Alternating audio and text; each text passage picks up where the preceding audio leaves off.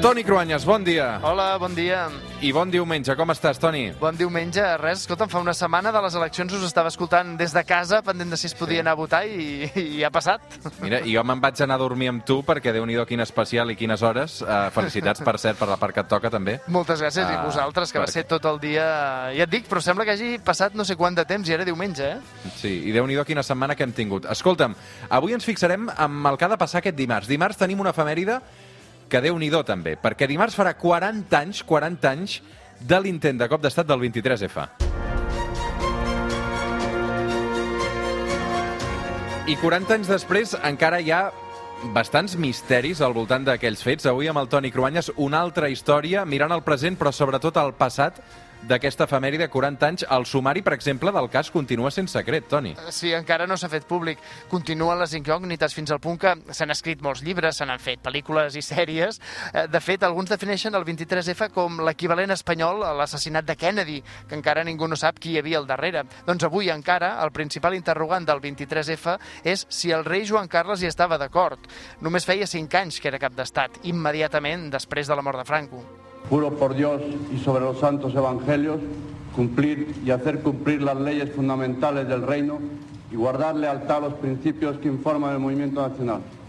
Equilibris, bàsicament, és el que va haver de fer Joan Carles de Borbó. Eh, va posar en marxa aquest procés per democratitzar Espanya, eh, però amb uns equilibris que s'aguantaven per la quietud. Eh? Sí, jo crec que sobretot es poden resumir possiblement en el nomenament de qui seria el seu president de govern i artífex de tot l'entramat constitucional, territorial i dels partits polítics, Adolfo Suárez. Era un polític jove, d'aires moderns, però que havia sigut secretari general del Movimiento, el partit del franquisme. També havia sigut ministre. Suárez, per tant, no havia d'aixecar suspicàcies en el búnquer, que és com s'anomena a l'exèrcit, i els més retrògrades d'entre els franquistes. Les coses, però, no van ser fàcils. L'antiga Guàrdia Franquista no veia amb gens de bons ulls l'estat de, de les autonomies ni la nova Constitució eh, entre altres coses, no? Sí, Adolfo Suárez cada vegada que obria més el règim perdia suports entre els nostàlgics del franquisme. Però el que està clar és que tot ho feia amb el vistiplau del rei. La simbiosi entre tots dos era tan gran i tan flagrant i il·legal com que després s'ha sabut que el mateix Joan Carles va finançar amb capital estranger la fundació del partit de Suárez, la Unió de Centro Democrático.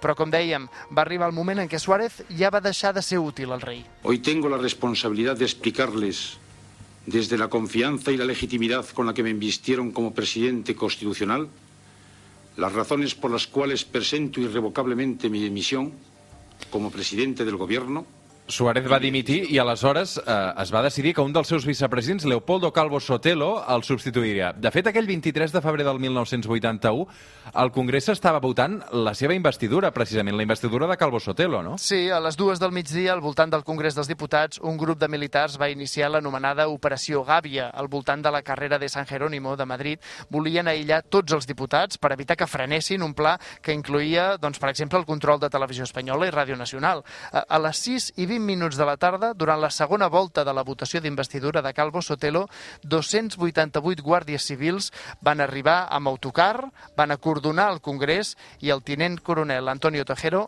entrava a l'hemicicle. La Guardia Civil entra en estos momentos en el Congreso de los Diputados.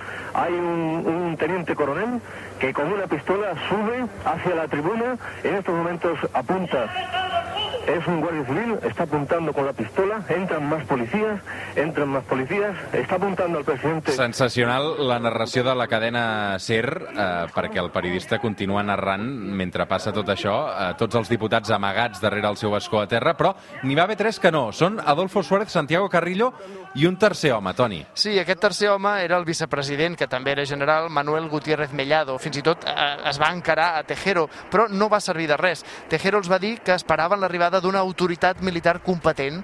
Eh, els telèfons de les institucions en aquell moment van començar a sonar per tot arreu, ajuntaments, eh, a la Generalitat, a totes les institucions democràtiques. La gent no sabia què estava passant. La sospita generalitzada era que l'exèrcit al complet estava al darrere d'allò i, de fet, com a prova dels còmplices amb què comptava Tejero, a València, el tinent general Jaime Milans del Bosch va declarar l'estat d'excepció i va treure els tancs al carrer. Aquell dia molts líders polítics van amagar-se i d'altres van començar a pensar a marxar a l'exili, no? Entre ells el lendacari Carlos Garaycoechea, perquè una de les queixes dels militars era l'estat de les autonomies. D'aquella nit va ser cèlebre també la trucada que Jordi Pujol, president de la Generalitat, va fer al rei per saber què passava i Joan Carles li hauria respost amb un col·loquial Tranquil, Jordi, tranquil. La trinca va popularitzar l'ambient d'aquelles hores amb una cançó molt coneguda. No ens poséssim pas nerviosos, tranquil, Jordi, tranquil,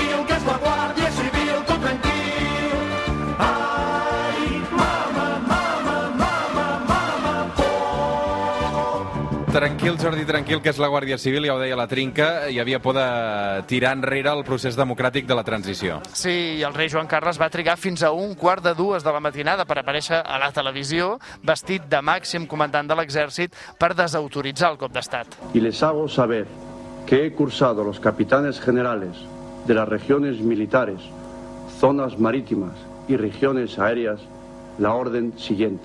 Ante la situació creada per los sucesos... Toni, sempre hi ha hagut la sospita de fins a quin punt el rei sabia o fins i tot estava al darrere del cop d'estat, no? Segons Paul Preston, que és el millor biògraf del rei, el més acadèmic, eh, Joan Carles es va deixar estimar pels militars. És a dir, ell hauria dit en cercles privats i per no perdre el suport de l'exèrcit que no estava del tot d'acord amb com ho estava fent Suárez. I alguns generals van interpretar que el rei els estava demanant actuar. Un dels que semblava estar al darrere va ser Alfonso Armada, que era possiblement el general amb més prestigi de l'exèrcit en aquell moment i tothom assumeix que Armada no hauria fet res sense el vistiplau del rei. I en tot cas, com dèiem, el sumari d'aquest cas encara avui és secret i la culpa va reclaure claríssimament en Tejero i en Milans del Bosc, que van anar a la presó condemnat per 30 anys un i l'altre en va sortir al cap de 10. Quines conseqüències polítiques va tenir aquest 23F? Home, alguns diuen que ja va tenir efecte immediat. El govern de Calvo Sotelo va néixer sense futur. Al cap d'un any, el 1982, els socialistes van guanyar les eleccions per primera vegada.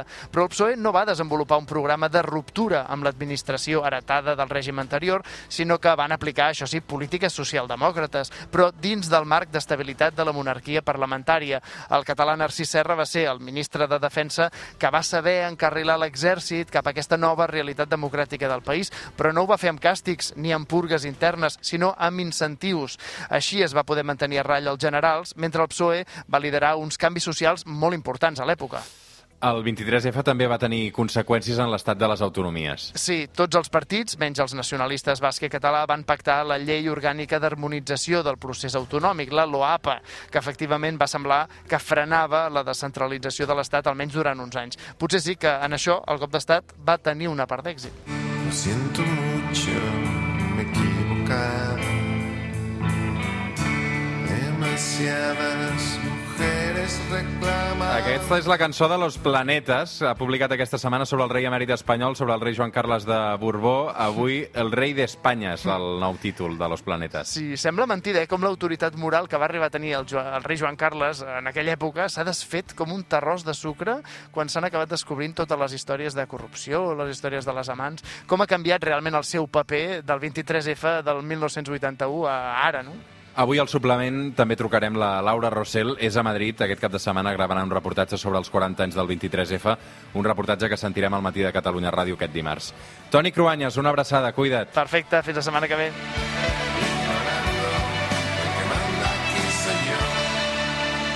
El suplement, amb Roger Escapa.